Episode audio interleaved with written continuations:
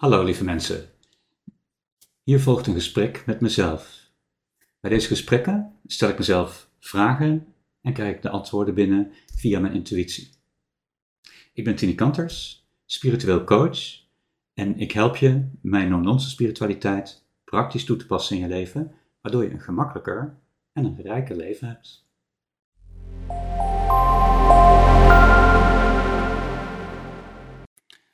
Hoe kan het zijn dat je zulke intense verlangens hebt, die zo diep uit jezelf komen, al voor een hele lange tijd, ehm, en dat er toch, ehm, dat ze niet in vervulling gaan.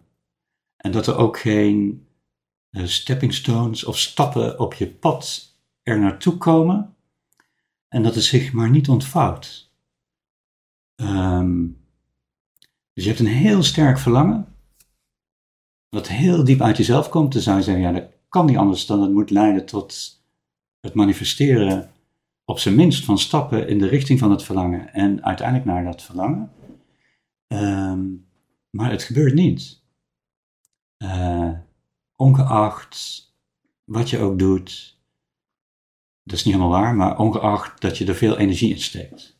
En toch gebeurt het niet. Hoe kan dat? Uh, ja, hoe kan dat? Dat kan omdat er tegenstelde krachten aan het werk kunnen zijn. Als jij naar links wil, maar een sterkere kracht wil naar rechts, dan ga je niet naar links. Um, en dat klinkt natuurlijk een beetje vaag en abstract. Um, maar als jouw verlangen heel sterk ergens naartoe wil, maar er is een ander iets wat dat overruled, ehm, dan kom je in dit soort situaties terecht bijvoorbeeld. Maar wat kan die andere energie zijn die, dat, die zo sterk is dat hij dat overruled? Er kunnen verschillende dingen zijn. Dat kan zijn, ehm, we hadden het de vorige keer over hoe kun je je verlangen voelen en met voelen dichter bij je verlangen komen.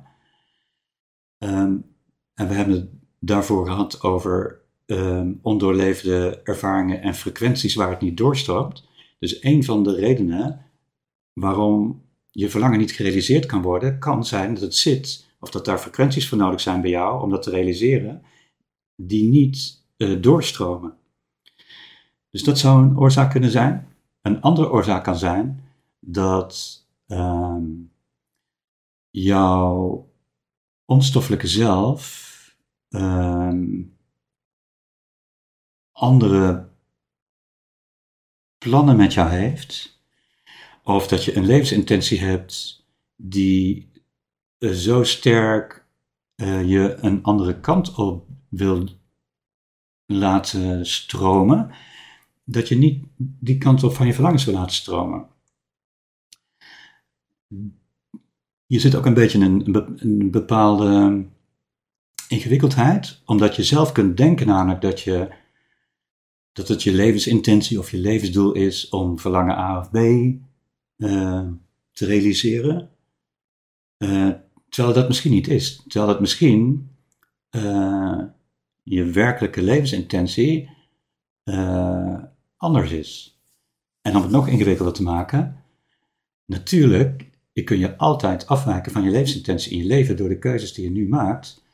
Uh, en wie is dan je onstoffelijke zelf om jou tegen te houden in de keuzes die je uh, andere kant op wil maken? Dus dat is de vrijheid uh, die, die, iedereen heeft, waar de, de, de vrijheid van het bestaan waar we in leven. We hoeven niet te doen wat we voor het leven bedacht hadden dat we in het leven zouden gaan doen. Um, dus, dus allemaal een beetje een ja, een beetje een ingewikkeld fenomeen om nou precies te duiden waar het in zit. Maar goed, ehm, dat was nummer twee, waardoor er een tegenkracht zou kunnen zijn. Nummer drie is dat er ehm, andere krachten van buitenaf, van buitenaf betekent van buiten jou, of van buiten jouw uh, onstoffelijke of stoffelijke, uh, zoveel invloed op jou hebben, Ehm, eh, en die ehm, niet die kant op bewegen waar jij met je verlangen op wil bewegen. En die invloed kunnen ze hebben, A, omdat je die invloed zelf hebt gegeven, dat je heel erg reactief bent in je leven. Ehm, en je heel erg laat leiden door uh, omstandigheden, door emoties of door andere mensen of door, door wat dan ook. En uh, B kan het zijn natuurlijk dat andere uh, krachten buiten jou zo sterk zijn dat ze jou gewoon per definitie beïnvloeden. Ehm, door de plek waar je leeft, of door de sociale gemeenschap waar je in zit, of door. het kan van alles zijn, waar een hele sterke energie zit, die je onbewust zo beïnvloedt dat het tegenwerkt tegen je verlangens. Um, ja, dus dat zijn een paar redenen waarom het uh, niet kan werken. Je verlangens zoals je gewild had dat ze zich zouden ontvouwen. Um, en dat kan natuurlijk heel frustrerend zijn. Um, want je wilt iets, je doet er heel erg je best voor en het lukt niet. Nog een andere reden zou kunnen zijn dat je zo sterk met je verlangens bezig bent uh, en dat je zo in de doelstand zit om je verlangens te realiseren, dus dat je maar de actie bent en de actie bent en de actie bent en dingen aan het doen bent om je verlangens te realiseren en nog harder werken en nog harder werken en nog harder werken, dat je geen ruimte meer hebt en geen stilte meer hebt om de signalen te horen uh, laat staan op te volgen die je krijgt van je onstoffelijke zelf. Bijvoorbeeld je intuïtie. Of bepaalde spontane ingevingen uh, die je krijgt. Of om, om daadwerkelijk je, de subtiliteit van je verlangens te voelen. Uh, en op het moment dat keuzes zich voordoen, de rust en de stilte kunt nemen om te voelen welke keuze dan het beste past bij dat verlangen.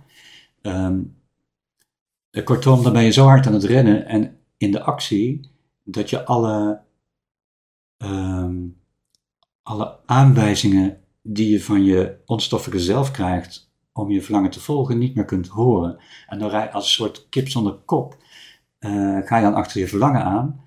Um, maar je ziet niet meer welke kant je aan het opgaan bent eigenlijk. Uh, en of dat nog wel klopt met het echte verlangen.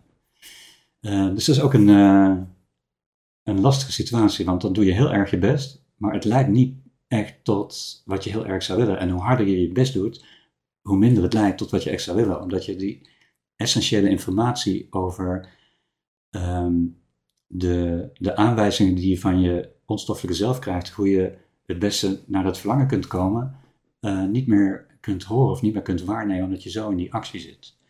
Dus wat helpt daarbij? Stilte, rust, pauze uh, en een manier waarop dan wel aan je verlangens kunt werken, is bijvoorbeeld door te werken met intervallen. Van ik werk even hard en doe even mijn best. Vervolgens neem ik een poosje rust en stilte om te voelen en mijn intuïtie te laten werken van oké, ben ik nog op het goede pad, doe ik de goede dingen, moet ik A, B of C doen? En, en de rust en de tijd te nemen tot er vanzelf iets binnenkomt vallen, een aanwijzing voor een volgende stap die je zou kunnen nemen. Kortom, um, dit zijn een aantal redenen die we nu gezien hebben, waardoor iets wat je heel graag wil, het toch maar niet van de grond kan komen. Um, nou, tot zover. Dankjewel voor het kijken naar deze video.